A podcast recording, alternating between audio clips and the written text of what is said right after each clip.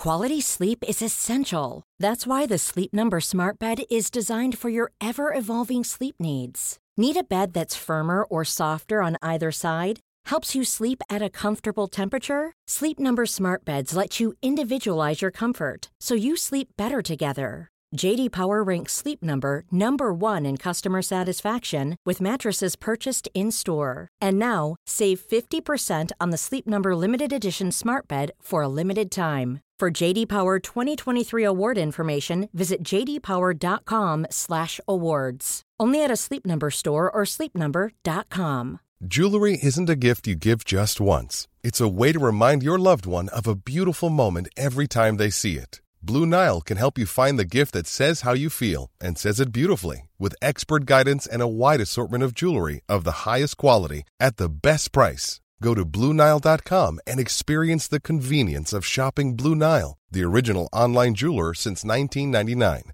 That's BlueNile.com to find the perfect jewelry gift for any occasion. BlueNile.com. Life is full of what ifs. Some awesome, like what if AI could fold your laundry? And some, well, less awesome, like what if you have unexpected medical costs? United Healthcare can help get you covered with Health Protector Guard fixed indemnity insurance plans. They supplement your primary plan to help you manage out of pocket costs. No deductibles, no enrollment periods, and especially no more what ifs. Visit uh1.com to find the Health Protector Guard plan for you. Veckans sponsor är Telia. Hos Telia samlar man mobil, bredband, IT-support, mobilväxel, allt som gör företagande enkelt. Och det är just det här att samla allt på ett ställe, att ha någon att vända sig till när det inte fungerar, det är Telia. Ett exempel på vad som inte är Telia, det är ju som när jag lyckas boka förmötet för en poddinspelning med Finansinspektionen till efter själva inspelningstillfället. Eller när jag här, här året var liksom, fick för mig att jag skulle börja springa, så jag är liksom ute och springer taggad, träffar en kompis som säger så du Jan, på måndag ska jag springa ett lopp. Och jag känner så här, ja men det låter inspirerande, så jag käkar pasta, jag byter om, tar mig ner till Malmö stadion för att göra en efteranmälan, står där i kön och sen så när jag liksom anmäler mig så tittar de på mig och säger så här, du Jan, vårhuset är bara till för kvinnor. Och eh, det var, det var typisk en situation som inte är Telia. Oavsett, ett stort tack till Telia som sponsrar, gör Rika Tillsammans möjligt, men framför allt tack till dig som lyssnar, följer och eh, hänger med oss varje vecka.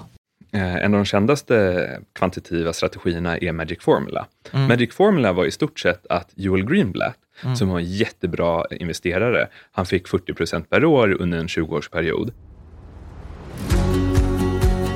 Du lyssnar på Rika Tillsammans-podden som handlar om allt som är roligt med privatekonomi. I den här podden får du varje vecka ta del av konkreta tips, råd, verktyg och inspiration för att ta ditt sparande och din privatekonomi till nästa nivå på ett enkelt sätt. Vi som gör den här podden heter Jan och Caroline Bolmesson. Idag är det dags för avsnitt 69 och gäst idag är Henning, investerarfysikern Hammar.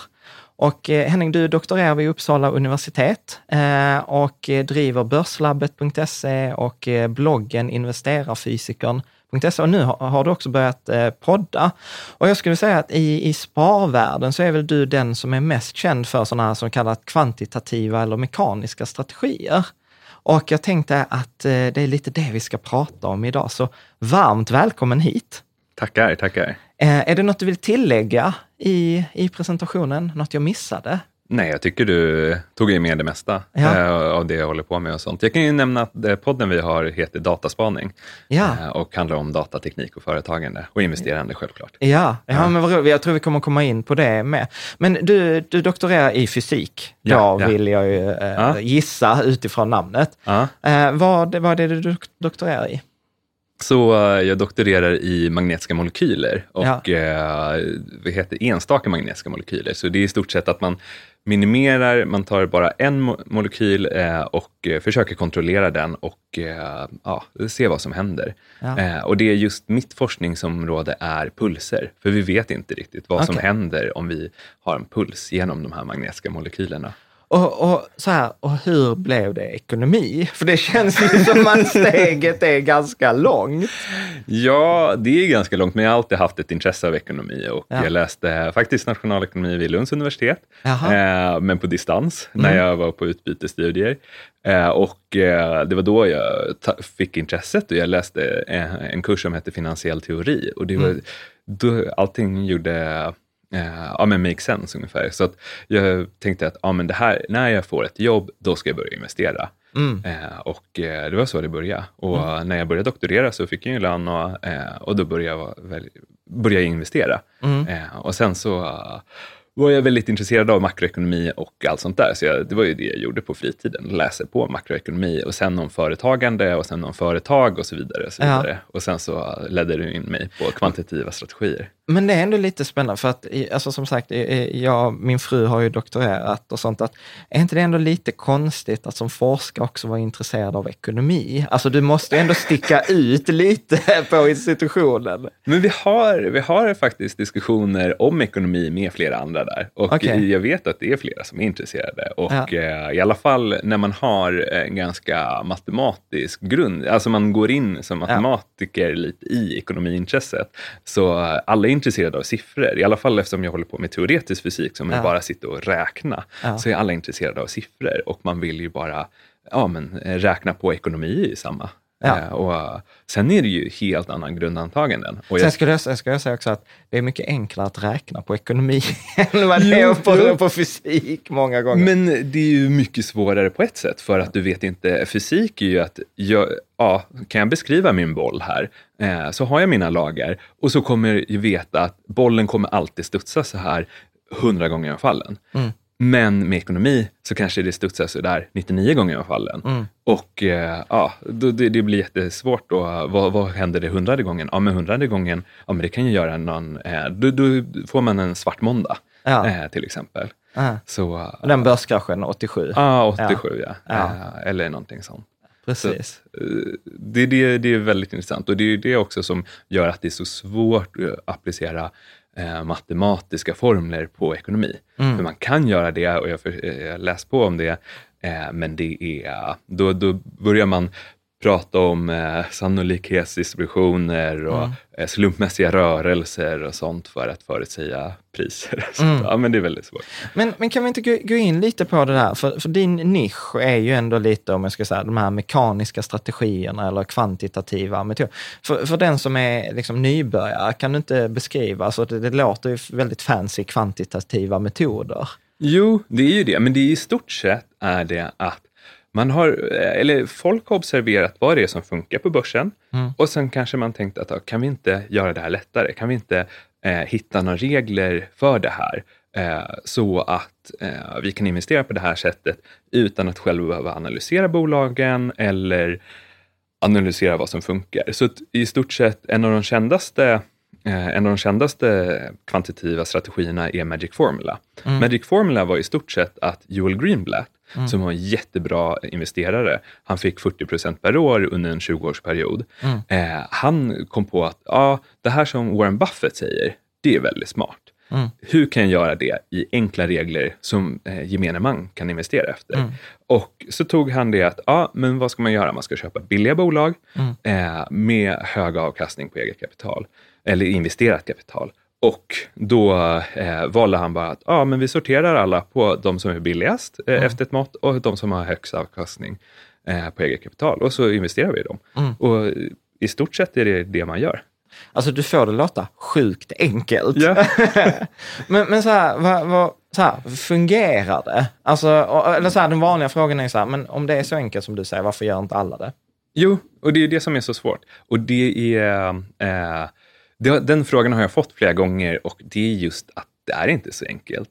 Till exempel en indexfond, investerar du i en indexfond, ja men då kommer den utvecklas som index. Det är mm. ju i stort sett det som är grejen. Mm. När du investerar i en eh, kvantitativ, eh, ja, efter en kvantitativ formel, aktierna där, de kan ju utvecklas helt annat. Så du behöver inte alls få samma avkastning som index. Till exempel, jag har investerat nu kvantitativt i flera år och jag har haft perioder där kanske min portfölj har gått ner 10 mm. och index går upp 10 mm. Så det betyder 20% underprestation och det kan vara på en period på kanske några månader. Mm. Det är få som klarar det. Mm. Och det som också till exempel han Joel Greenblatt visar på att de bästa aktiva förvaltarna, det är de som eh, under en tioårsperiod så låg de något, några år i den lägsta eh, kvantilen. kvantilen. Så att du måste, du måste underprestera för att kunna överprestera. Och mm. de som eh, de som låg i den lägsta kvantilen, de förlorar ju alla invester eh, mm. Eh, investerare i fonden. Då. Mm. Och eh, bästa fonden mellan 2000 och 2010, eh, snittinvesteraren förlorar pengar i den fonden. Mm. Eh, och det är ju också ett känt exempel att personer på grund av sina, ja, man, man köper det som har funkat senaste året kanske eller någonting mm. sånt. Och då, man är så kortsiktig så att man måste uthärda de här underprestationerna. Mm. Eh, men när man kan göra det så kan man hitta då smarta regler och investera kvantitativt efter. Jag, jag, jag, tänker, jag tänker på den här filmen, vad heter den, Get, Get, Get Short? Eller, ah, ja, Big Short. Big ja. Short, ja. ja. Och det är roligt för han som är Big Short, han är faktiskt förvaltat pengar åt Joel Greenblatt. Mm -hmm. så att han som sitter med trummorna. Precis, för det var ja. precis scenen med trummorna jag tänkte på. För att där var det så här, han bara stängde fonden och liksom ja. folk eh, ville ta ut sina pengar och han bara, nej. Och, och, det, och folk hatade ju honom, ja. verkligen. Men sen var det ju så här att han hade ju rätt. Ja. Liksom, och sen, och sen han, han stängde väl fonden, jo. Tror, tror jag också, efteråt. Jag, jag, undrar, jag tror det är, den här, eh, det är han som var en av de förvaltarna ja. där man eh, förlorar i snitt också. Ja. Så, ja, det är, skit, det är skithäftigt. Men, men för, för det var ju en annan eh, grej. Jag läste någonstans ett citat du hade skrivit. Nu ska mm. jag säga, jag insåg även att vi människor ofta gör beteendemisstag när vi investerar, men vi lyckas ofta bättre när vi följer enkla regler. Ja, Ja. Så, eh, och det här finns ju jättemycket, det finns ju också faktiskt väldigt mycket forskning på att om du har en enkel checklista så, mm. eh, och följer den till exempel om du ska diagnostisera en person, mm. så även professionella utövare kommer eh, klara sig mycket bättre om de har en bra genomtänkt checklista och går efter, än om de själv skulle göra en bedömning. Och det är samma här, att om jag har den här enkla checklistan som eh, går igenom eh, mina Ja, aktier. Och jag, jag kom upp på mina regler för aktier och sen investerar jag efter den här checklistan istället för att själv gå ut efter aktierna. För att eh, det är någonting som heter broken leg problem. Okay. Det är att eh, det kommer från eh, i stort sett hur stor är sannolikheten att en person går på bio eh, Ja, och sen får du göra om det här, hur stor är sannolikheten att en person går på bio om du får veta att den har brutit benet? Aha. Problemet är att eh, oftast är det större, alltså oftast är det ursprungssannolikheten lika, det är närmare det, än om du fick veta att personen hade ett broken leg. Aha. Så att eh, många hittar de här felen och gör så att ah, men jag kan inte investera i det här företaget för det har det här felet. Jag kan inte investera i det här för det har det här felet. Uh. Eller kanske aktierörelsen senaste månaden har varit stor i det här företaget, uh. vilket kan vara helt en ologisk förklaring eh, eftersom ja, mycket marknadsrörelser är ologiska. Men det kan vara fortfarande, eh, det kan ju vara någonting som gör det här broken leg. Eh, så att man i stort sett har bättre av att investera ja, efter enkla regler. Och indexfond är ju det ja. egentligen. Ja. Eh, kvantitativ eh, strategi är ju bara ett smartare indexfond. Kan ja. man säga. Ja, precis. Nej, men jag, jag tänker på det där med misstag när, när du sa att eh, kursrörelserna är ologiska. För att jag pratade ju med Kavastu, Arne mm. Talving, och en av de stora insikterna jag fick när jag gick hans utbildning, det var ju så här att en all time high på en aktie följs ofta av 43 nya eller 42 nya all time highs. Mm. Och, och, det är ju så här, liksom statistiskt, eh, och det känns ju jättefel att köpa någonting när det har liksom nått eh, sin högsta punkt. Ja. Är, är det den typen av beteendemisstag? Jo, men det är den typen av beteendemisstag man går efter. Och eh, Uh, och det är det som är så intressant också med börsen till exempel. Mm. Det, jag tänker, du sa, nämnde det här, jag hörde liknande statistik när det kommer med index. Man ja. säger, ah, nu Stockholmsbörsen är på all time high. Ja. ja. men det kommer ju bli massor med dagar. Jag tror det är en hundra dagar efter som brukar bli all time high efter första all time high, en ny eh, cykel. Så att eh, jag menar, det kommer ju gå upp till slut, så att det måste ju bli Nej, en dag som är en ny all time high, en ny all time high. Så. Eh, om inte aktien är jättevolatil mm. och att den går upp på en dag och ner på en dag. Men eh, det är få, få aktier som är så. Ja. Eh, och just det där, grejen är oftast, man, man, har ju, man har ju en idé om att företaget är värt någonting innan. Mm. Och eh, man har en pris, eh, det kallas anchoring. Mm. Så mycket av det här är ju dokumenterat i till exempel eh, Daniel Kahnemans bok och sånt, att man har så här, vad ska man säga, ankare vid tidigare priser. Man mm. har många så här, beteendemisstag som man gör och eh, ett stort är ju att man säljer det, det som går upp och behåller det som går ner. Och, eh, det, jag gjorde det, det, det är dubbelfel. Ja, men det, det, är ett dubbelfel och jag gjorde exakt samma grej. Jag, var, jag tänkte, eh, när jag håller på att investera aktivt, jag är ju värdeinvesterare. Ja. Så att jag ska ju behålla de billiga aktierna ja. och jag ska ju sälja det när de blivit dyra. Ja. Men... Eh, ja. ja. men jag, jag, kan säga så att jag, jag, också, jag gjorde det misstaget med en tio år och sen så fick jag, jag, jag, fick det så förklarat av, eh, av en person som sa, men Jan, så här, tänk hästar. Du har en häst som har vunnit de senaste 21 loppen. Du har en häst som har förlorat de senaste 21 loppen. Vilken häst satsar du på i det 22 loppet? Uh, och så säger men den som har vunnit, ja precis, varför gör du tvärtom med aktier? Yeah. Och, och, just det här med 21 dagar var det då, då är det så över 70 procent sannolikhet att en aktie som får, gått upp i 21 dagar, tror jag var 70 procent sannolikhet att den fortsätter upp den 22 dagen. Ja, ja. Vilket är liksom uh, sådär. Men, men du, uh, så om, om det är så här, så vad, vad är det för typ av kvantitativa strategier som, som du använder? Så jag är ju, äh, ja, jag spenderar några år och läsa mm. på om allt det här. Jag läser igenom tusentals bloggar och eh, massa böcker och all forskning som har gjort i USA om det här och sånt. För det har inte funnits så jättemycket forskning i Sverige. Nej. Och det var det som jag kände att, okej, okay, jag, jag, vet vad som funkar där och det borde ju funka här. Ja. Och eh, det bästa eh, sättet att testa någonting är ju auto-sample. Alltså man tar någonting som funkar eh, på ett ställe och implementerar det på en annat ställe, som till exempel svenska börsen. Ja. Så tur nog hade jag, eh, har jag fått tillgång till eh, Börsdatas databas över alla aktier i, på Stockholmsbörsen. Mm. Eh, och då kunde jag testa eh, de här strategierna och då tog jag fram nya strategier utifrån vad som har funkat på Stockholmsbörsen och vad som mm. funkar bäst här. Och eh, det är nu så som jag investerar eh, en stor del av mina egna pengar. Och, mm eh, enligt de här. Men jag använde i stort sett innan jag kunde göra det här testet så använde jag de strategierna som fanns i USA och det gick lika bra det. Eh, jag kunde, det var lite ändringar som... Eh... Men för, för, att om jag ska vara så här, jag har ja. ju också gjort det här, testat strategier och jag har sett också mm. på Twitter att vi följer ganska mycket samma med Faber mm. och, och massa, massa av de här personerna. Men jag kan ju säga så här, jag tyckte det var ganska komplext när jag skulle testa sådana här strategier, alltså göra de här dataanalyserna. Kan en dödlig person som inte doktorerar i fysik eh, göra sådana här tester? Mm, jag skulle säga att en dödlig person kan doktorera i fysik. okay. Bara om man lägger ner tillräckligt mycket tid och energi. Mm. mm. Det kan man ju göra med de här, men jag kan ju säga att jag själv tog och eh, fick lära mig eh, Python och Pandas eh, ja. som är så helt eh, eh, vad ska man säga, programmeringsspråk och, ja. språk och, eh, ja, och lära mig göra allting. Det, ja, jag var ju så van, det är ju det jag gör i typ min jobbet. jobbet så att, ja. Eh, för mig var det ju ganska lätt att göra det här. Eh, och jag är van att arbeta med siffror, men ja. det är för att jag har gjort så i fem år nu. Ja. Eh, och, eh, och sen fem år utbildning innan det, så det är i stort sett det jag är utbildad för.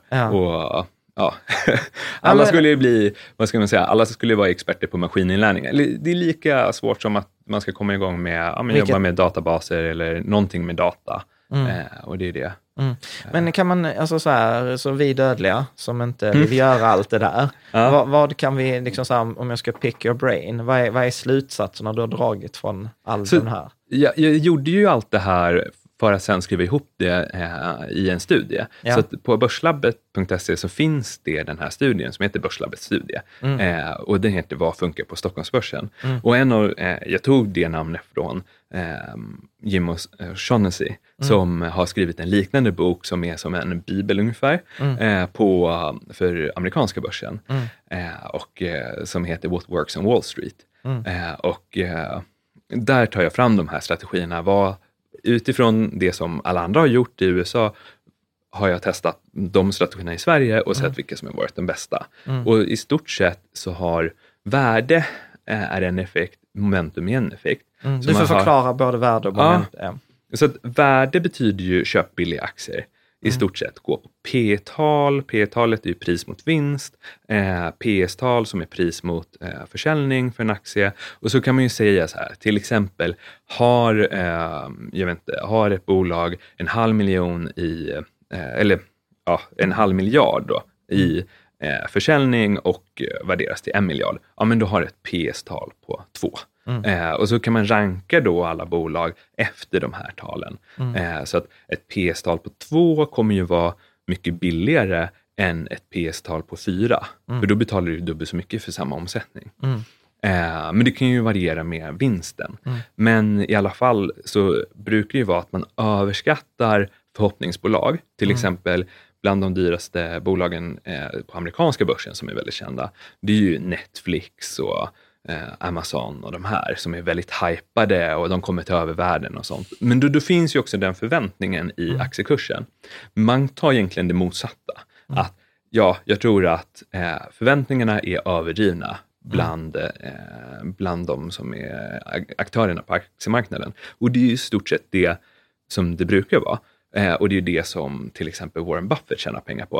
Mm. Han köper, eller egentligen vad, vad handlar aktiemarknaden om om du ska slå aktiemarknaden? Ja, men du måste ju köpa där förväntningarna inte är de som är i aktiekursen. Mm. Så att du köper en aktie billigare än vad den är värd. Mm. Och det handlar värdeinvestering om. Mm. Momentum är just det här som vi nämnde tidigare. En aktiekurs går upp i pris. Eh, gör att här, när aktiekursen går upp så finns det mer sannolikhet att den fortsätter upp. Problemet är att man tror snarare tvärtom. Så att eh, om, om det kommer nyhet, eller nyheter, om de skulle effektivt prissättas av marknaden, så eh, då ska hela marknaden plötsligt inse att ah, men den här aktien är värd så här mycket mer. Så den kanske ska gå upp, eh, via en nyhet kanske den ska gå upp flera hundra procent, men det gör inte aktier. Mm. Utan det tar ett tag innan eh, en förändring att införlivas eller någonting. Och jag brukar säga så här, Apple byggdes inte på en dag. Mm. Apple mm. blev ju Apple efter lång, lång tid. Och eh, det är samma som eh, ett intressant exempel här på svenska börsen var ju Fingerprint. Mm. Fingerprint tog ju lång tid innan eh, ja, men folk var väldigt skeptiska och sånt, men sen gick det ju upp och sen blev det lite bubbelbeteende. Mm. Grejen med momentum är att du i stort sett hänger med på resan upp. Mm. Eh, sen så tar det ett långt Eh, tar en lång tid innan folk börjar ändra åsikt. Mm. Och så hoppar du av då innan, när turen är ner. Så om du skulle bara haft en momentumportfölj på svenska börsen, 2000, ja, där Fingerprint gick upp väldigt mycket, jag tror en sån portfölj skulle gå upp 100 procent. Bara mm. på grund av Fingerprint gick upp typ 1000 procent. Mm. Om man bara satsar på de här bolagen. Mm. Så, så de två är det som funkar. Som funkar på mm. svenska börsen. Mm. Ja, och på amerikanska börsen och mm. alla börser egentligen i hela världen. Mm. Sen, eh, men i USA så funkar de ungefär lika bra mm. och kanske värde lite bättre än momentum. Mm. I Sverige är det tvärtom. Momentum funkar mycket bättre än värde. Sen vet man inte, vi kanske är bättre på att värdera bolagen här, men det tror jag inte skulle vara riktigt mm. fallet. Utan, eller att eh, det är mycket större rörelser i bolag. Mm. För att momentum är också att man utnyttjar rörelsemönstren i bolagen. Mm. Och eh, du nämnde ju Cavasto, så mm. jag menar, han använder jättemycket momentum. Mm. Jag, jag har analyserat att eh, utifrån mitt test, skulle det bara eh, investera i aktierna som gått upp mest på Stockholmsbörsen under perioden 2001 till 2016 skulle du fått över 30 procent per år. Mm. Och, och det, det, det, känns som en no-brainer. Där så här, aha, eh, ja, Men, men, men då säger liksom så här, okej, okay, så att om jag, om jag lite sammanfattar det där, Ja. så, så säger jag så här, ja men det är no-brainer, man hade kunnat göra detta. Och då blir svaret på, ja, men, så här, men om det är så enkelt, varför gör inte det Mm. folk det? Ja men det är för att du får de här rörelserna mot index. Alltså så att, Ja. du, att du kan ligga back några år. Eh, är det det? Jo, jo nej, men det är det. Jag tror jag själv testade, eller jag själv var jätteskeptisk mot momentum till en början. För jag var så här, ah, nej men det måste ju finnas ett värde. Det är, ju- Man kan inte bara gå utifrån kursrörelse. Det, är, ju- det är ju inte det som bolagsvärdering handlar om och aktiemarknaden handlar om. Men sen så kollar man på, ehm, om man kollar på till exempel, eh, vad heter det, eh, när man eh, investerar i, ehm, ja, nu kommer jag med helt här. Eh, nej, jo, men också under det här året som det var väldigt bra för Fingerprint. Kollar man året efter, då tror jag portföljen gick ner kanske 30 procent, eller under vissa korta perioder kan det gå ner 30 procent, samtidigt som eh, börsen står stilla. Mm. Och då, ska Och då man, gäller det att inte sälja. Ja, det gäller Men, inte men, sälja. det, men, men det där är också en av, en av läsarfrågorna. Mm. Men hur vet du då? Alltså, säg att du följer den här eh, Mm. eh, strategin och, och sen så rasar det 30 procent Mm. och sen rasar det 10 procent till. Mm. Så här, när lämnar man en sådan strategi? Det är det som är så svårt. Eh, och eh, vissa, nu i USA så har det funkat lite mindre bra med momentum de senaste tio åren. Eh, och då är det så här, jaha, tio år en tillräckligt lång period? Många eh, av de som forskar inom det här, men i USA, de säger att ungefär efter 20 år kanske man kan utvärdera att någonting har slutat funka. Okej, Eh. så, så att du ska ta de där förlusterna i 20 år? Grejen är att du försöker hitta strategier där inte underprestationen är så lång. Utan man, eh, de flesta, om man har tillräckligt koncentrerad och sån strategi, brukar det inte vara mer än tre år. Okej. Eh, men det Så, är fortfarande tre, så, tre så, år. så tre år behöver man eh, Ja. liksom låta det, det Ja. vara? Jo. Men grejen Alltså, är... så jag kan säga, för mig känns det skitjobbigt. Jo, jo, det är jobbigt och det är ju därför man måste vara känslokall när man investerar efter sådana här strategier. Men det bästa och det som jag har insett och det som många andra har insett är att kör inte på en. Och det är, många försöker sälja in sin, de tog eh, fram den här strategin, det är den bästa, de tog fram den här strategin, det är den bästa. Men på samma sätt som kanske, det finns ju inte en bästa fonden eller någonting, um, eller bästa tillgångslaget, så det ju, finns det ju inte bästa strategin och en strategi som kanske funkar bra senaste tio åren behöver inte funka bra nästa tio år. Utan man, det bästa är ju att kombinera, ha kanske en fyra olika strategier och eh, på det sättet eh, gör en kombinerad portfölj och då, då är underprestationen klart mycket eh, mindre. Alltså typ ha en sån här multistrategi. Ja, eh, multistrategi. i- mm, ja, ja. Mm. Multistrategi-strategi. Ja, det jo, blev, det lite så. Det, Det blev lite lite konstigt. Men, men jag tänker också så här att du, du sa ju så här att man kan plocka fram på de här nyckeltalen, alltså Magic Formula. För jag, nu är jag, ju, jag är ju passiv investerare, men jag har Mm. ju varit inne på, på både Börslabbet och Börsdata. Och på Börsdata kan du ju trycka, om jag inte minns fel, på en knapp och så här få Magic Formula-bolagen Mm, och få fram en eh, lista. Så att egentligen, som, som, om jag som liksom nysparare skulle vilja testa detta, då, då är det egentligen så att jag kan öppna ett ISK-konto, Mm. föra över lite pengar och sen så börjar jag liksom läsa då, okej, så hur ser den här kvantitativa strategin ut, till exempel Magic Formula? Mm. Och sen bara liksom så här, lite slaviskt följa, liksom så här, köpa precis de bolagen Ja. som, som sorteras ut på de här nyckeltalen. Ja, och det är ju jätteenkelt och det är det som Börslabbet handlar om. Så Börsdata, de har ju de här äh, vanliga strategierna. Ja. Börs, eh, det som jag gjorde med Börslabbet var egentligen att ta fram vilka är som bäst för svenska börsen Ja. utifrån den här 15-årsperioden. Ja. Och eh, förstå. Och så, eh, så kan man få tillgång, alltså köper man medlemskap på Börslabbet, då får man tillgång till listor på 20 aktier av varje strategi och så kan man investera i topp 10 av varje.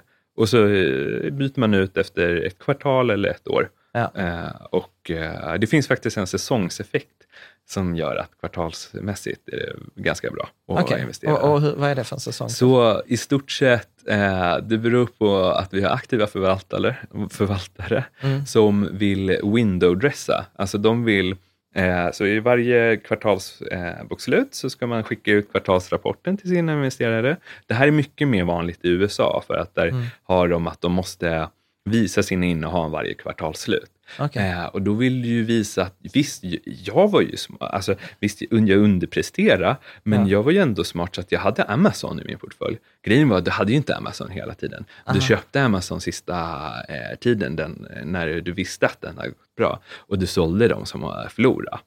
Eh, och på det sättet så visar man en annan bild för, eh, för omgivningen än vad du egentligen har i din portfölj. Och liknande sätt funkar i Sverige, alltså liknande effekt funkar i Sverige. Eh, och det är det att man köper då aktier som gått upp mest och ja. Den här momentumeffekten blir förstärkt i slutet Aha. av kvartalet. Mm. Men du, en läsarfråga mm. då. Så om, om, man kan göra detta då på Börslabbet, mm. varför startar du inte en fond? Ja, jag har gått i de funderingarna, men mm. det kostar en del att starta en fond. Ja. Eh, och det är väl där som barriären är. Eh, så, men finns det inte andra fonder som gör sånt här då? Ja, I USA finns det ja. sådana fonder, men inte på svenska börsen. Uh. Och eh, det, ja, nej, men det vore ju väldigt intressant att starta någonting sånt. Eh, sen är ju också, det handlar ju också om skalningsproblem. Alltså att, eh, det, det är visst, eh, en viss mängd kapital som kan eh, köras i de här strategierna. Eh, men just nu så är det ju så lite på svenska börsen som mm. investeras. Så precis, så du menar så att skulle man ha liksom 20 miljarder mm. så är det svårt, för då kanske inte de här effekterna uppstår på alls samma sätt. Nej, men det är ju svårt för en stor förvaltare Eh, och jag har sett det, det är många privatpersoner som säger att ah, men de har, startar inte fonder, mm. eh, alltså som är bra på att förvalta. Mm. För de vet att de kan inte förvalta eh, andras pengar med samma avkastning som de skulle kunna förvalta med sina egna. Mm. Ehm, och eh, jag tror samma med Kavastu till exempel, han skulle nog inte skulle han ha flera miljarder att förvalta, mm. han skulle inte kunna göra. Liknande. Han skulle ju kanske kunna förvalta dem på ett bra sätt, men inte med samma avkastning. Nej, Nej men det tror jag också. Han, han sa ju det, han, han slutar ju publicera sina innehav. Han sa mm. han, han, redan nu driver han ju mm. eh, kurs i, i de där. Det är en, en annan eh, sån här eh, fråga som kom på Twitter som jag tyckte mm. var ganska roligt. Eh, så här, ni, ni är två profiler som ofta hävdar att studier stödjer era sätt att investera och ändå ligger ni så olika. Så vad hindrar er från att anamma den andra strategi? Så Henning, varför inte indexfonder? Så eh, enkla svaret var att eh, jag, jag var, när jag började investera, eh, då hade jag ju läst den här finansiell teori.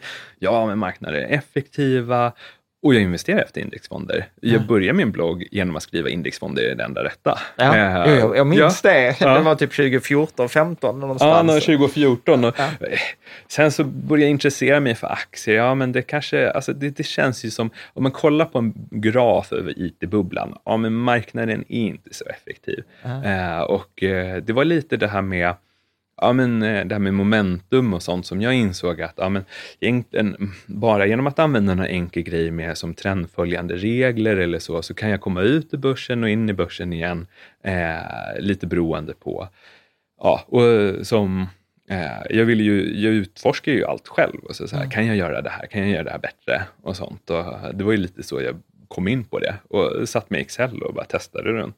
Eh, och sen så insåg jag att ja, men finns ju mycket forskning i det här och det är många andra som har lyckats bra. Och det var den här Magic Formula. Jag gick, mm. I stort sett var det, det var precis när Börsdata hade implementerat Magic Formula på eh, sin sida. Mm. Jag gick in där och så såg jag, nej, det här står ju att de får 20 procent per år. Ja, men det är inte omöjligt. Nej, men det här är ju helt falskt. eller någonting mm. sånt. Så jag började, det fick in mig att läsa på om det här och eh, ja, sen dess i stort sett. Och sen dess har jag bara läst mer och mer och mer och mm. insett att okej, okay, det går att slå börsen. För mm. att vi människor är inte helt rationella varelser.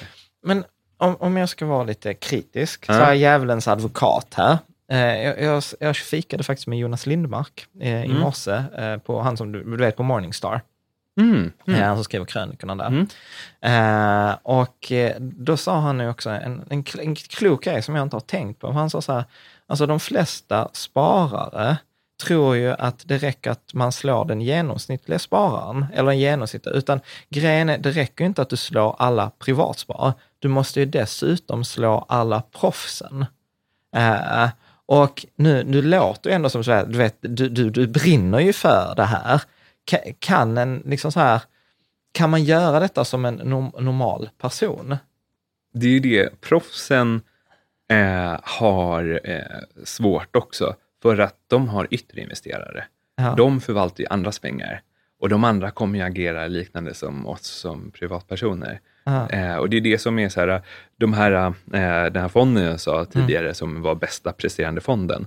Största kapitalet han förvaltade, det var ju inte privatpersoner, det var ju oftast andra förvaltare eller eh, för, eh, privatpersoner med väldigt mycket pengar. Mm. Oftast det, de presterar lika dåligt de. Så att, mm. eh, och det, det gör ju att eh, man kan inte ha en fond som plötsligt går ner 20% mot index. Nej. Och det är det som eh, han, eh, vad heter Joel Greenblatt som jag nämnde tidigare, han, han lämnar tillbaka alla pengar för mm. att eh, han vill inte förvalta andras pengar. Mm. Eh, för att det, det, han visste att ja, men det kan gå ner på 30% på någon mm. vecka och sånt.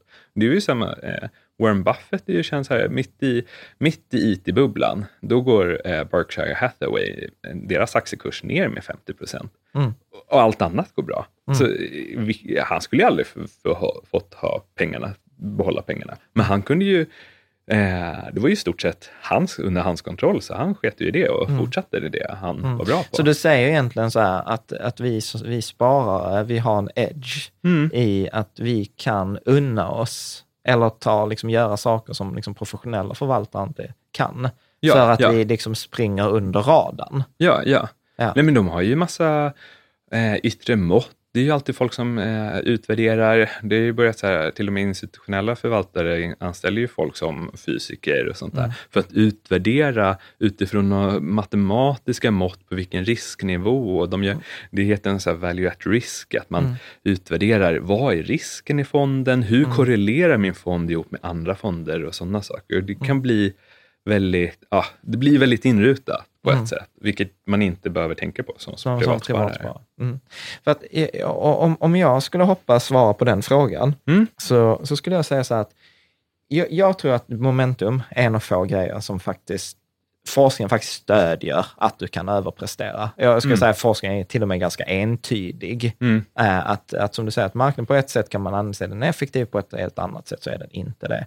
Men ja, hur jag har löst det här faktiskt för mig själv, det är ju att jag har den här fyra hinkar-principen.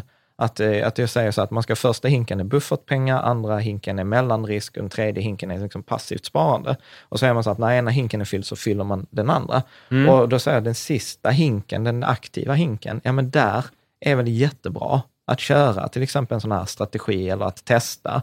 För, för att jag tänker ändå att som sparare bör man åtminstone få börsens avkastning i genomsnitt över en längre tidsperiod innan ja. man börjar försöka liksom överprestera mot den.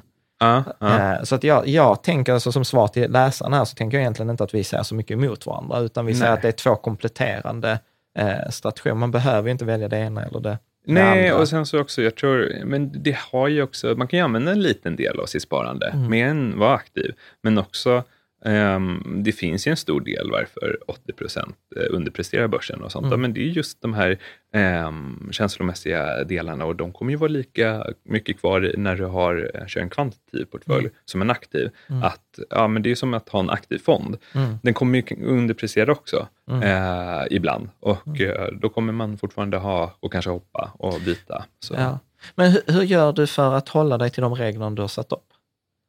Uh, det bästa är att starta ett företag som tar och säljer det här. Och man har flera tusen som följer eh, sitt, eh, sin Twitter och blogg och sånt ja. som hela tiden utvärderar den. Ja. Eh, men Precis, så ska du köra det här så behöver du tusen Twitter-följare. Ja, nej, nej, men jag vet inte. Men försök inte kolla så mycket och sånt. Jag kan vara ärlig. Eh, senaste, vad heter det?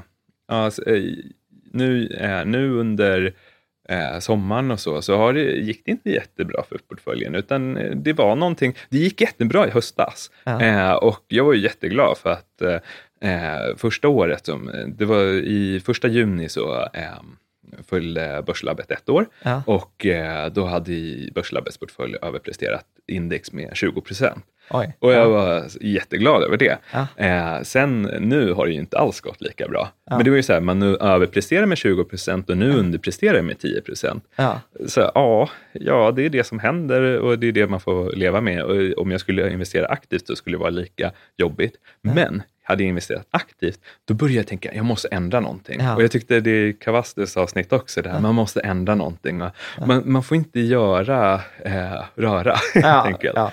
Och eh, det värsta, värsta perioden av underprestation för en av mina portföljer var precis innan Trump valdes. Ja. Eh, och jag tror den gick ner med 20 procent mot index. Ja. Och sen blev Trump vald. Och sen visade det sig att alla de här bolagen, det var en amerikansk portfölj, och alla de bolagen skulle ju då äh, få jättemycket skattesänkningar och allt Ja. möjligt. Och all, det- alla den här oron som fanns i bolagen försvann plötsligt och det Ja. gick upp 30 procent. Ja. Så man bara, jaha okej. Effektiva marknaden. Ja. Men eh, det är det som är det svåra också, att investera Ja. eh, kvantitativt. Så, så och vad är, eh, vad är kritiken då? Mot, eh, mot kvantitativa strategier och momentum? Så dels det som jag sa, att ja, nej men det är svårt. Eh, Mm. Men kritik, kritik i ett är ju så här, när det blir allmänt känt så kommer alla implementera det och det kommer bli svårt. Mm. Till exempel, eh, och det här måste man ändå ha koll på, för att jag tror, eh, ja, momentum, som i Sverige tror jag fortfarande att det funkar bra. Och jag menar på, eh, det finns mycket som talar för att momentum i alla fall på marknader kommer inte försvinna. För att säg momentum för USA-börsen. USA-börsen är 50 vad är det, trillion dollars. Mm. Eh, Det är 60 gånger större än svenska börsen. Ja, ja, och det är extremt mycket pengar. Och ja, visst kan det väl komma en förvaltare som är tillräckligt stor och påverkar hela det här. Men eh, på ett sätt så är, sätts ju hela tongångarna av världshandel, av världsekonomi och allting. Så där kommer det fortfarande vara en trend och liknande. Och i sån här trendföljning har man gjort i nästan tusen år eller man har i alla fall gjort bra studier på 200 års sikt. Eh, sen enskilda aktier kan ju vara svårare, men här har vi fortfarande ganska väl fungerande momentumeffekt på Stockholmsbörsen. Mm. I USA-börsen är det ju där som det har varit en period där det har varit lite dåligt, men det kan komma tillbaka. Eh, i, men sen har man PB-talet, det är att man köper bolag billiga efter eget kapital. Så i stort sett, du vill investera i bolag eh, som har mycket eget kapital. De kanske har eh, i sina böcker så kanske de har eh, fyra gånger mer eget kapital än vad du köper aktien för. Och det känns ju jättebra. Så här, att, ja, men oftast är de mycket belånade eller något, något problem. Eh, det, här är, det här är det som var populärt eh, kallat värde och ble, slog igenom för 30 år sedan att det här är så du köper värdeaktier. Sen så startade Vanguard tror jag och massa andra har eh, sina smart beta-fonder där man eh, ja, justerar efter värdeaktier och att man eh, investerar mer i de här värdebolagen. Det här är faktiskt historiskt den sämsta faktorn och har man kollat nu sedan år 2000 på grund av att det var sånt stort intresse och stort ins- institutionellt intresse så har den faktorn försvunnit. Så i stort sett investera efter PB-bolag är inget bra längre. Det, dels på grund av att ja, det blev ett stort intresse, men också eh, egna kapitalet i bolagen har tappat sitt, eh, eh, sin motivation. Eller så här, Mm. Nej, det, det finns inte, eh, du kan skapa ett IT-bolag. Hur mycket av Facebook? Hur mycket spelar det roll eh, vad Facebook har på sitt eh, bankkonto i Mm. stort sett? För det är egentligen det de har. Eller de har kanske några jag vet inte, men man kan Ja, göra så mycket andra grejer. Man kan Mm. lisa ut sina lokaler och då plötsligt så får du mycket lägre eget kapital. Mm. Och då får du mycket högre p-tal. Mm. Så om du ska sammanfatta det så, så så kritiken är väl att eh, om för många följer så kommer det tappa effekt. ja. Eh, och eh, vad heter det? Ja, nej men att eh, det kan vara svårt att följa Mm. och vissa nyckeltal eh, kan sluta fungera. Mm. Och, och, och så skulle jag lägga till det som du är inne på också, att beteende Ja, biten, att du måste palla ja, genomföra strategin fullt ut. Du Ja. kan liksom inte sluta när det är minus 30, nej, nej. utan du behöver eh, hä- hänga kvar. Det är En så här bara sp- spännande fråga. Nu om jag tittar, amerikanska börsen har väl gått upp konstant sedan 2009, tror jag 320 procent-ish. Ja. Svenska börsen, ja, det beror på om man räknar med dippen 2011 eller inte, har ju också gått upp i ja, 6, 6 7, 8 år. Uh, är det inte dags för en börskrasch? ja, tänker, jag, eh, så, eh, jag, tyckte, jag försökte studera det och eh, tänkte, ja, där 2015, ja men nu, nu blir det en riktig börskrasch. Det blev ju en krasch och vi såg ju nedgångar på 30 procent tror jag på Stockholmsbörsen. Eh, men det var ju inget som, jag vet inte om man investerar i småbolag och som jag som investerar i kvantitativa aktier, jag fick ju jättebra avkastning då. Det var ju, småbolagen blev ju knappt drabbade. Det var ju mm. de stora bolagen och Eh, det blir lite skakigt sådär, men allmänt så gick det ju upp efteråt. Eh, jag tror, men, men, kan, man, men kan, man liksom, kan man göra liksom en variant, tänker jag, på det här med trendföljande som liksom berättar för mig i stora, i stora jo, drag? Tänker så, jag. Eh, det här med trendföljning och sånt mm. är ju det finns två eh, regler som jag har mm. gått ut efter. Och det är glidande medelvärde, där mm. man egentligen bara tar senaste årets utveckling och så tar man, eller 200 dagars utveckling, det är den här MA200. Mm. Uh, och så tar man ett streck genom det, uh, medelvärdet för det och så är man så här, befinner vi oss över eller under det här glidande medelvärdet? Ja, mm. men är vi över, ja men då behåller jag mitt. Är vi under så säljer jag. Mm. Eh, på samma sätt så kan man göra det, men man kollar senaste årets avkastning. Mm. Och då är ju stort sett säga, okej, okay, vad är alternativkostnaden? Ja, men det är att jag investerar eh, mina pengar direkt på ett sparkonto och får ränta på dem. Och så jämför jag mot det, har jag fått högre avkastning eller inte? Mm. Eh, idag så är det ju eh, egentligen att ja, du säger ju bara noll, alltså mm. mot noll. Eh, men för på 70-talet var det ju ändå stor skillnad. Då kanske du kunde få ja, många procent på sparkontot. Mm. Men, eh, och det, båda två har funkat väldigt bra och det är mm. de som man har testat typ under 100-200 år. Och eh, där är det ju att eh, på det sättet kan man ju hela tiden kolla mot ah, om trendföljning funkar så här och vad är trenden på marknaden. och det gör att man kommer ut ur typ IT-bubblan, man kommer ut ur alla sådana här bubbelscenarior. Mm. I alla fall om man tror att det kommer hända en bubbla på marknaden, mm. då är de här trendföljande reglerna jättebra. Mm. Om man inte tror att det kommer hända en bubbla, ja men mm. då, då är man ganska fine. Men mm. det, ja. För, för att det, det är där jag tänker, alltså om jag tar för egen räkning, mm. eh, nu har jag faktiskt inte kollat MA 250.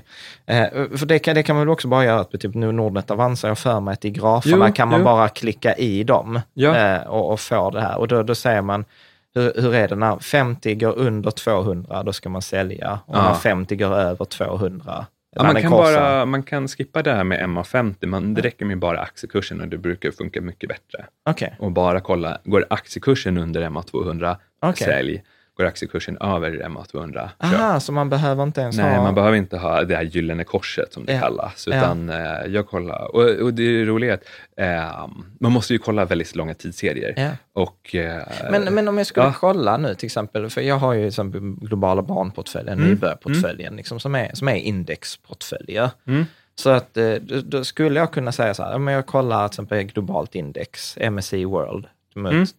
200. Mm. Så om det sjunker undan, då skulle man kunna säga så att okej, okay, sannolikt, eh, om jag gör det tillräckligt många gånger, att jag säljer av när det har gått under, så kommer det bespara mig de här krascherna. Ja, i alla fall krascherna. Ja. ja. Och, det är ju så här, man kanske får minus 20 procent eller minus 30 procent nedgång istället mm. för minus 50 procent. Mm. Så det, det skyddar ju inte hela, men, och det funkar inte varje gång. 2015, 2016 var så här, ja, då gick börserna ner, ja. men sen vände de upp direkt. Och då, då, köp, säljer, då var det att man säljer ja. och sen så äh, köper man tillbaka, men då kanske man köper tillbaka för en lägre kurs. Så att äh, man, äh, där tappade man typ 10 procent avkastning mm. om man implementerar dem. Så men, att, men så hur ska du argumentera mot mig då, mm. som säger så här, nej men det, det, är bättre att skita i allt det där, bara sitta kvar i båten? Man kan sitta kvar i båten. Jag menar, det, jag tycker, men man kan satsa på två sätt. Och ja. det är ju, eh, det, genom, som, man kan ju ha diversifiering, Mm. Men man kan också diversifiera genom att ha olika strategier. Om man har trendföljning på en del av portföljen, jag kör det. Jag har en mm. trendföljning på en tredjedel av min portfölj. Mm. Eh, och då har jag i stort sett, jag skippar det här Jag kör kvantitativa strategier, det är Mm. ungefär halva min, aktieportfölj, eller halva min portfölj. En tredjedel är det här trendföljning. Och då kör jag hela världens marknader. Mm. Och så investerar jag i de marknader som har gått upp mest senaste året. Mhm. Eh, och eh, det här är en annan, ja, eh, det här är ju bara att utnyttja de här jättestora flödena av pengar eh, och investera i ja, hetaste området. Eh, och eh, det har ju gett också en bra avkastning mot mycket lägre risk. Mm. Eh, och jag testade det från 1970 och det gav ungefär, ja, många, många har gjort sådana här tester och det har gått ungefär runt 20 procent per år. Mm. Och då har man största nedgången är minus 20 procent, någonstans där, minus 20-25. Eh, sen ja, så funkar det mindre bra. Det har funkat mindre bra de senaste eh, 20 åren, eh, och, men det har fortfarande slagit börsen. Sådär. Så att, eh, det är ju Ja, man, man, har, man kan ju diversifiera eh, mellan olika strategier, Strategier. och i alla fall för att få ner risken. Mm. Eh, och det som man har gjort, med de här studierna är att eh, jag har också kunnat testa de här reglerna på Stockholmsbörsen Mm. sedan 1900, ja, nu måste jag komma, 1918 tror jag, nej, 1900, 1901. Jo, 1901. För Riksbanken har eh, Dataserier, säga, dataserier från från 19 1901. Ja. Eh, och det har Det är han. Fransson. Ja. Och det är imponerande hur de har samlat all data. Och det är jätteroligt, för de har också dataserier, eh, så långa dataserier för eh, bostadsmarknaden och eh, ser det. Och jag tog också testa det här på bostadsmarknaden. Okej, eh, så att SCB har sån här data för bostadsmarknaden. Vad hände då under 90-talsbubblan? Skulle man kunna komma ur den eh, och sen investera och inte förlora så mycket pengar? Ja, det, Det hade man. Ja, eh, samma med USA-bubblan. Så att i stort sett eh, hoppar man ur bostadsmarknaden. när- Lite svårare än en Det aktie. är lite svårare. eh, och intressant nog, nu eh, kom vi precis tillbaka eh, genom eh, MA eh, ja, men 200 eh, från att ha legat längsta perioden under MA 200 i sen, Okej. eh, vad blir det, sen 2005 när typ Value Guard började Ja. ha så här månadsdata. Så vi ligger över den nu? Vi ligger över den nu Okej. igen. Så Men, nu får man bo igen? ja, Ja. men man kan också säga det att eh, det här är ju bara ena trendföljande regeln som säger Ja. så. Den andra trendföljande regeln säger att vi fortfarande har negativ avkastning på ett år, Ja. vilket gör att det ska gå ner. Ja. Så att hälften säger upp, hälften säger ner. Så Ja. att vi vet inte. Vi, det är hösten som kommer att avgöra. Ja. För det är det som är nackdelen med de här strategierna. För det kan ju gå upp nu. Sen Ja. kan det kanske bara ligga över i två, tre månader och sen dyka ner igen. Ja. Och det är då det man brukar kalla bull trap. Att eh, man fångar in eh, de som är positiva Ja. igen för att eh, Precis. förlora alla pengar. Precis, precis. Ja. Du ska inte tro att du kommer undan din... Nej. ja, precis.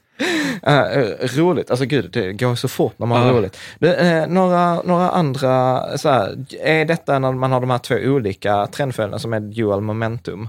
Ja, dual momentum eh, baserar sig, det är det jag sa, eh, så han som tog fram den heter Gary Anton- Antonacci och han tog fram det genom att han kollade, han kollade på USA som är egentligen halva världens börsvärde och han kollade på resten. Och så koll, såg han, ja men det finns stora kapitalflöden som är ibland, vi har tioårsperioder där USA går bäst, vi har tio per- årsperioder där andra delar går bäst.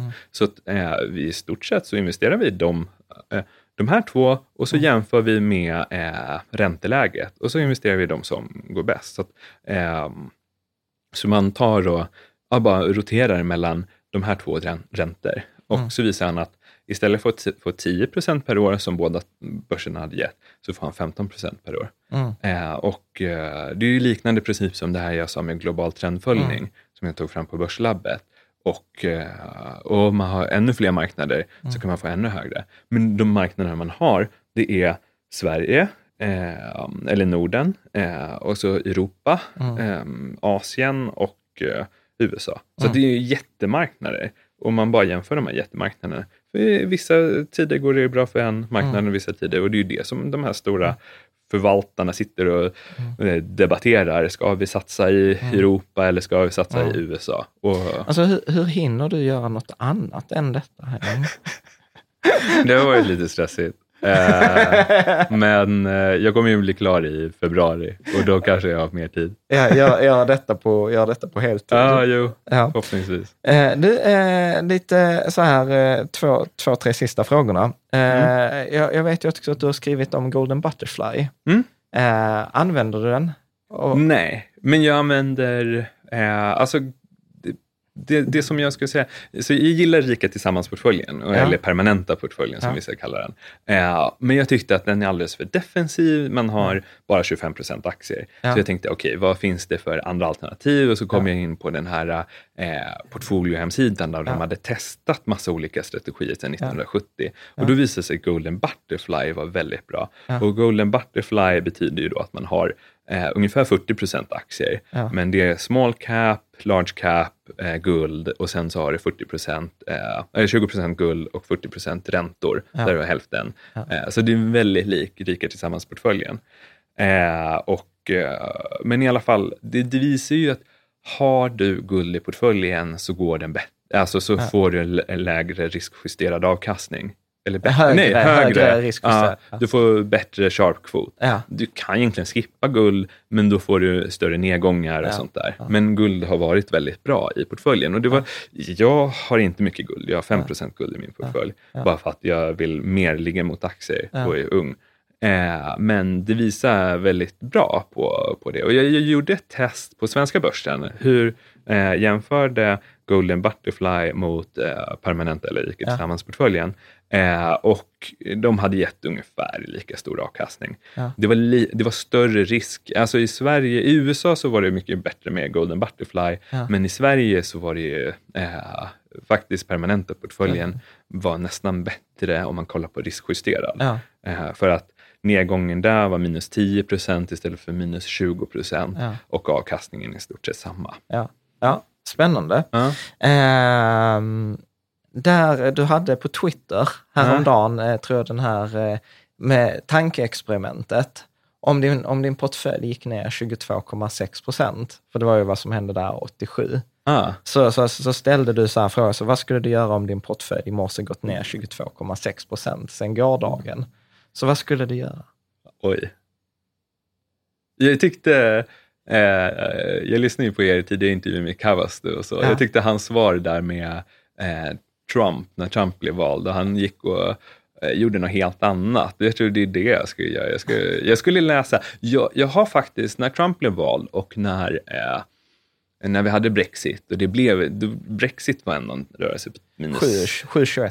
7,21 eller någonting. Det är sjukt att man kan det i huvudet. Ja, men det var en jättestor rörelse. Ja. Och jag sitter där, jag sitter ja. där, nu ska jag förvarna, nu ska jag mentalt träna mig själv och förlora pengar. och jag älskar det. Alltså, jag, jag, kan ja. inte, jag måste sitta och uppdatera. Kolla hur många jag förlorar pengar. Gud, det här är det som man utmanar. Ja, men det är som att, eh, jag vet inte, jag, jag, jag springer eh, jag har sprungit maraton och sprungit lite, jag har faktiskt sprungit ett eh, halvmaraton precis utanför här. Ja. Eh, och eh, inför det, det är ju så här, intervallträning. Ja. Du, du vill ju döda dig själv för att bli bättre. Ja. Och man måste ju trycka, trycka, alltså det är så jobbigt. Men man, det känner jag med investeringar också. Du vill så här, visst, alltså, man kan väl blunda för förlusten, ja. men jag brukar alltid kolla på procenten eh, och eh, och då slipper jag tänka så på pengarna, men så försöker jag kolla på pengarna, speciellt när det går ner. Ja. Då tänker jag på hur mycket jag förlorar. ja.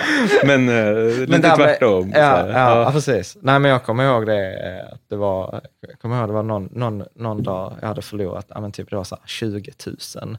Ja. Och så här, ja, lönt jag gick till jobbet de här två veckorna. Det var liksom verkligen min tanke. En, en av läsarfrågorna var ju också detta, vad är det för skillnad på det som du gör och till exempel Arne Talving, Kavastu gör? Och eh, vi, vi pratade om det precis när vi, hade, när vi tog en liten paus. Och jag tänker ju också att ni investerar ju egentligen väldigt likt, att det är väldigt, väldigt kvantitativt. Och sen, men sen så tror jag också att hemligheten hos både dig och Kavasu, du får se om du håller med här i min, i min tes, är ju att ni är ju väldigt disciplinerade. Eh, och eh, jag kan ju bli nyfiken så här, alltså var, var, kommer den här disciplinen ifrån? Men jag tror, eh, så faktiskt när jag höll på och började komma in i det här, Eh, det var precis när ja, men Kavas började bli stor och Ja. eh, man fick höra talas om den här personen som Ja. investerar väldigt bra.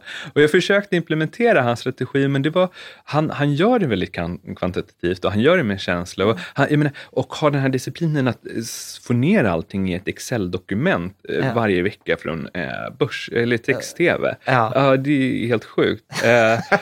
Jag tycker det finns, och jag har insett det med, med dels min eh, fysikbakgrund, men också det nu när jag gör tester. Alltså sitta och gå igenom jättestora dokument och bara sitta och arbeta med data. Då får man känsla för datan och du förstår vad det här betyder.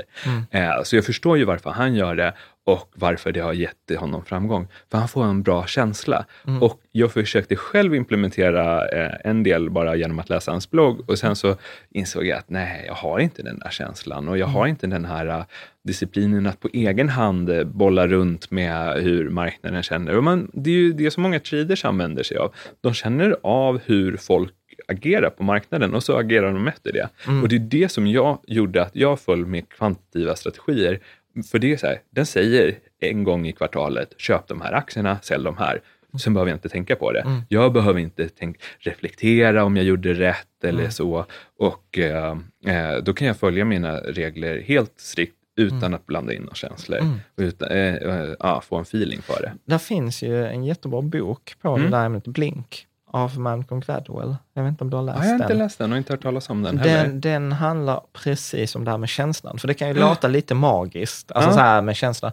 Och jag tror han inleder den boken med att det kommer in en konstkännare på New Yorks museum och så säger han liksom så här, men den där statyn är falsk. Och alla är bara så här, nej, den, alltså du vet, vi har köpt den här i provenansen, det är så allt annat. Bara, Ja, men den är falsk. Men hur vet du det? Ja, jag vet inte. Jag har bara en känsla av att den är falsk. Och mycket riktigt så var den ju falsk. Mm. Eh, och, sen så handlar då hela boken om den här intuitionen som är liksom så här 20 års erfarenhet, eller att liksom sitta, som du säger, och nöta data. Jag tänkte säga, jag har läst eh, två böcker i det här ämnet. Jag läste Mm. dem för ett år sedan tror jag. Ena boken heter Talent is overrated. Ja. Eh, den är jättebra. Den går igenom varför egentligen, man säger Mozart var inget underbar, eh, underbarn, utan han började när han var tre Ja. och eh, spela ja, men på piano och sånt Ja. där. Och det gjorde ju att när han var 20, ja, men då kunde, eller när han var 16, då kunde han kompositera och sånt där. Ja. För andra började ju när de var 15-20. Ja. Så att de, var ju, de blir ju så mycket längre efter. Att man verkligen bygger upp den här förståelsen och sånt där. Och eh, jag tror man gör ju det både eh, när det är som professionellt med att hålla på med aktier, men också när man håller på med ja, andra grejer som sporter och sånt. Och jag tror det är lite, det är det man måste tänka sig att många som jag har sett, de pluggar extremt mycket. Alltså de som jag ser, de här klarar nog, alltså de här, de här kan ändå investera på aktiemarknaden och de lyckas. Och jag har varit ganska skeptisk till att det ska gå. Eh, men utvärderar så bara, nej, men de här har hittat någonting. Men då ser man, eh, det som är gemensamt är att de lägger enormt mycket tid. Eh, det är någon som sa att ja, lägg 10 till 15 timmar eh, i veckan i 10 år. Ja, men då, då kan du börja slå index. Ja. Och så här, ja. Ja, men precis. Nej, men, jag- nej, men jag håller helt med. Det, eh, apropå det, Talent Code av Dan Coyle. Fantastisk bok, precis Okej. på samma, samma ämne. Nej, men och det är ju det jag tror, precis. Jag säger också inte att det inte går att slå in det, men det kräver ju det kräver något extraordinärt. Mm. Eh, och det är ju det som egentligen är, någonstans tänker jag att som sparare behöver man ju fatta det där beslutet att, ja men vill jag lägga fyra timmar per år, köpa en indexportfölj och låta den vara, eller vill jag lägga de där 10-15 timmarna i veckan i 10 år, då kommer jag bli rikligt belönad för de där 10-15 timmarna jag gjort i 10 år, för att det är det som är hindret som gör att inte alla andra ja. gör, gör det eh, också. Sen kan man ju alltid fråga, de där 10-15 timmarna som de lägger i veckan, ja, skulle jag kunna ge, göra dem på något annat och kanske bli, jag vet inte, m- musikartist och tjäna de pengarna? Nej men alltså det är ju oavsett eh, vad man lägger mycket tid på Mm. så kan man ju bli bra. Ja. Eh, jag tänkte att vi ska börja, börja, börja runda av här. Mm. Eh, så eh, kort, kort läsarfråga hade jag här en till. Eh, hur ofta kollar du portföljen? Ärligt, inom parentes, utropstecken, utropstecken. Och det är, det, det är så, så eh, jobbig fråga eftersom jag precis nu i veckan kollat den väl, eh, flera gånger. Ja. Eh, men faktiskt, jag har så många portföljer så jag orkar inte kolla. Och jag delar upp dem och eh, nu har jag företagets portföljer för eh, Börslabbet eh, som jag visar där på sidan och sen har jag mina egna och sånt där. Så att det är jättemycket olika portföljer och man, det är svårt att ha koll på alla. Jag gör en sammanställning en gång i slutet av månaden och då kan jag se att så här, ja, i, i denna, eller, och då gör jag bara pengamässigt. Ja. Eh, och då ser jag att ah, nu har jag mer eller mindre pengar. Ja. Har jag mindre pengar, så här, ah, jag får jobba mer. Ja. Men det kan ju vara mest att börsen gick ner. Ja, så. Så, så hur många portföljer har du?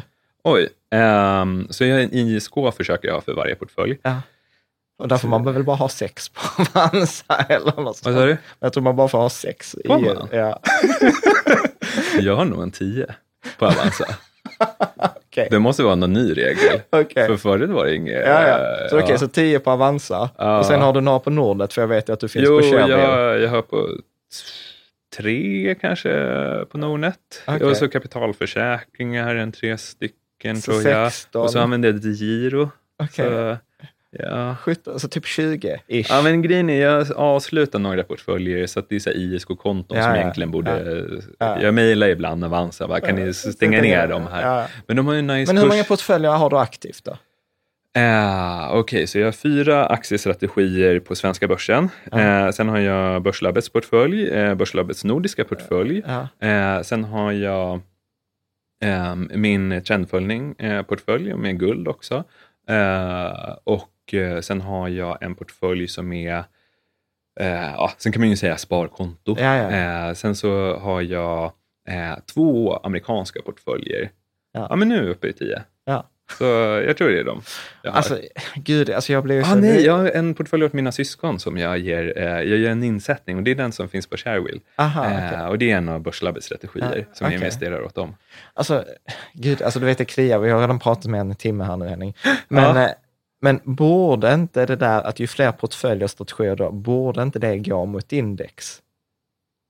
Hur... eh, Alltså över till aggregerat. ah, men det är så lite pengar. Det är så, eh, vissa portföljer, då har jag fem aktier i dem. Aha. Och jag menar om du har, som Stockholmsbörsen, vi har 300 bolag eller någonting Ja. sånt. Om jag har fem, så på Stockholmsbörsen så har jag snitt 15 till 20 bolag. Ja. Eh, och det blir ju få procent. Jag har ungefär jag har 20 bolag på amerikanska börsen Okej. och det, och det är 5 000 bolag där. Ja, Så det, det, okej. är inget, det är väldigt liten. Även om det är många portföljer så är det Ja. lite aktier. Ja, ja. Okej, ja, men bra. Ja. Eh, så, så spännande. Så om eh, en sån fråga jag brukar ställa till alla mina gäster. Ja. Eh, så på en skala 1 till 10, hur konstig är du? Det här tycker jag var en jätterolig fråga. Eh, jag skulle säga åtta, Okej. tänkte jag. Ja. Jag resonerar jag tänker normal, alltså jag är väl inte i, jag tänker mig ofta som att jag är väl helt normal. Det är bara att jag har jätteintresse i data och Ja. siffror. Och jag kan sitta så en hel eh, kväll och bara sitta och sammanställa grejer från, eh, kolla på Avanza och ta fram massa siffror. Och så här, ja, okej, Ja. Det är inte helt normalt och det är inte helt normalt att eh, eh, ha det här jätteintresset samtidigt som man håller på och disputerar i fysik. Och Ja. man, ja, jag vet inte. Ja. Det var roligt, jag, det var en ekonomstudent som frågade mig, ah, ni som eh, håller på att studera fysik, är alla som eh, the big bang theory? och jag tyckte det var så roligt, för att jag tänkte så här, ah, det finns en viss likhet, men, eh, eh, och jag tycker de är ju konstiga, men jag tycker de är också jätteintressanta. Ja, Jag- ja, jag- ja, jag jag, ju älskar, hellre- jag älskar ju den serien. Ja, och jag vill hellre umgås med dem än sådana Ja. som inte har Ja. de här intressena. Ja. Så, ja. Nej, men jag älskar, jag brukar säga, jag älskar ju nörderi i alla Ja, former. Och det spelar ingen roll vilket ämne eh, det är. Du, är det någonting som är sant för dig som nästan ingen annan håller med om? Sant för Nej. mig. Som nästan... Oj. Ja, den där var svår fråga. Sant för mig. Eh, ja. ja, men det är väl det här med att man med enkla regler kan slå börsen. Mm. Eh, det tycker jag, alltså jag har pratat med folk i branschen och de himlar med ögonen och kollar åt ett annat håll. och så, så här, men det finns massa forskning på det. Så Ja. ja. Ja, ja, ja, ja, Ja. ja. Så här, då skulle alla ha gjort det. För det är så lätt.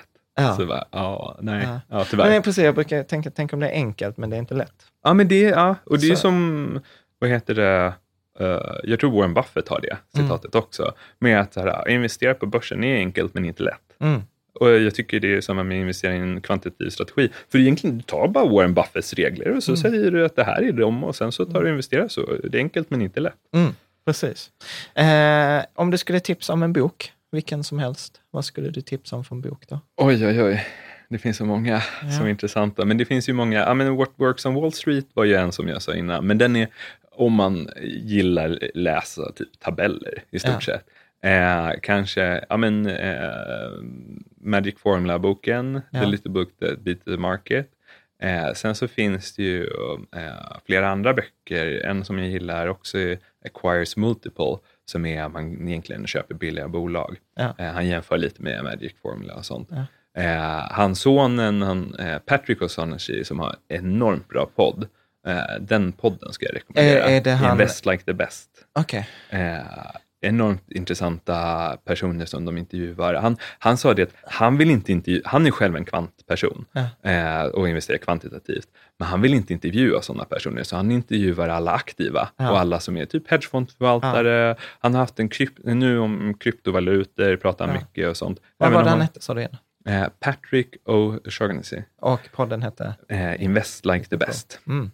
Men är det inte, där är det inte någon att känna sig eller något sånt också som har någon podd som läser sjukt mycket böcker? Han läser jättemycket böcker. Det, är det, han, ja, det är, det är, det, samma person. Det är det. För att det är, så att han skickar ut en newsletter och jag tror han läser Ja, men han läser en bok om dagen. Ja, men det är så här, 20 böcker. Alltså, förra månaden jag blev så här, alltså, har du gjort något annat än läst böcker? och han skriver så här reviews. Men det, de är ju skitbra, ja, de, ja. de nyheter. Det är ett av få ja. nyhetsbrev vi har. För, roligt att vi har hittat ja. samma Men han, det, han, han är så här, Meb Faber och alla de här, det är samma, lite samma community och sånt. Och han intervjuar folk som är från den här Wall Street, uh, um, Jason Zweig eller ja, något sånt, uh, som är så här kända. Och, med Z, ZV. Ja, med ZV.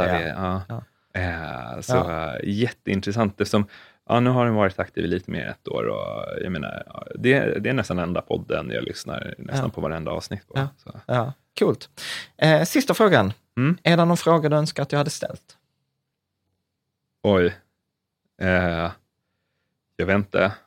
Ja, det, nu tyckte jag vi tog allting. Så här, man brukar ju bara prata om eh, kvantitativa aktiestrategier och sånt mm. här, men jag tyckte vi tog bra med global trendföljning och sånt där också, så att vi har mm. tagit det mesta. Jag kan väl säga, det som Börslabbets strategier, eh, det kanske jag missar nämna, att Börslabbets strategier, de går på då utdelning, mm. eh, hög avkastning på eget kapital, eh, ja, men hitta de billigaste aktierna och momentum mm. och sen kombinera allt det här. Mm. Så uh, utdelningsaktier är väldigt bra. Ja. Väldigt alltså det är lite roligt, för vi hade inte pratat om det här innan vi spelade in i podden, så att mm. jag tänkte faktiskt inte på det där. Men kan du inte bara kort, om du skulle pitcha Börslabbet, hur, hur, låter, det, hur låter det då?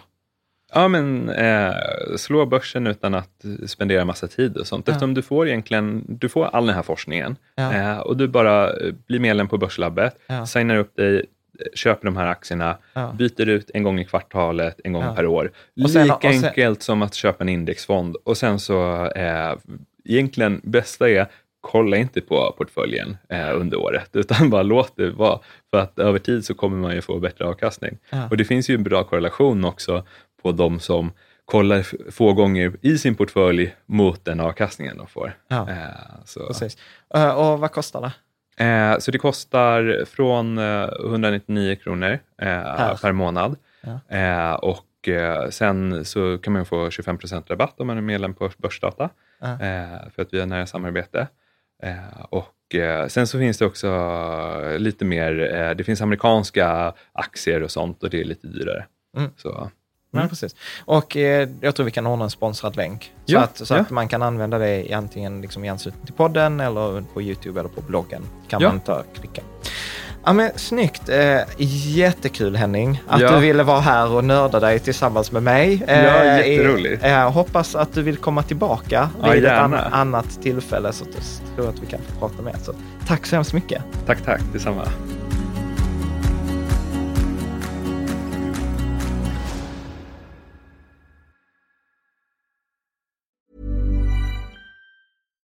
Deserves the best, and there's no better place to shop for Mother's Day than Whole Foods Market. They're your destination for unbeatable savings, from premium gifts to show-stopping flowers and irresistible desserts. Start by saving 33% with Prime on all body care and candles. Then get a 15-stem bunch of tulips for just $9.99 each with Prime. Round out Mom's menu with festive rosé, irresistible berry chantilly cake, and more special treats. Come celebrate Mother's Day at Whole Foods Market. Hi, I'm Daniel, founder of Pretty Litter. Did you know cats tend to hide symptoms of sickness and pain? I learned this the hard way after losing my cat, Gingy. So I created Pretty Litter, a health monitoring litter that helps detect early signs of illness by changing colors, saving you money and potentially your cat's life. Pretty Litter is veterinarian developed, and it's the easiest way to keep tabs on your fur baby's health right at home. Go to prettylitter.com and use code ACAST for 20% off your first order and a free cat toy. Terms and conditions apply. See site for details. Mom deserves the best, and there's no better place to shop for Mother's Day than Whole Foods Market. They're your destination for unbeatable savings, from premium gifts to show-stopping flowers and irresistible desserts. Start by saving 33% with Prime on all body care and candles. Then get a 15-stem bunch of tulips for just $9.99 each with Prime. Round out Mom's menu with festive rosé, irresistible berry chantilly cake, and more special treats. Come celebrate Mother's Day at Whole Foods Market.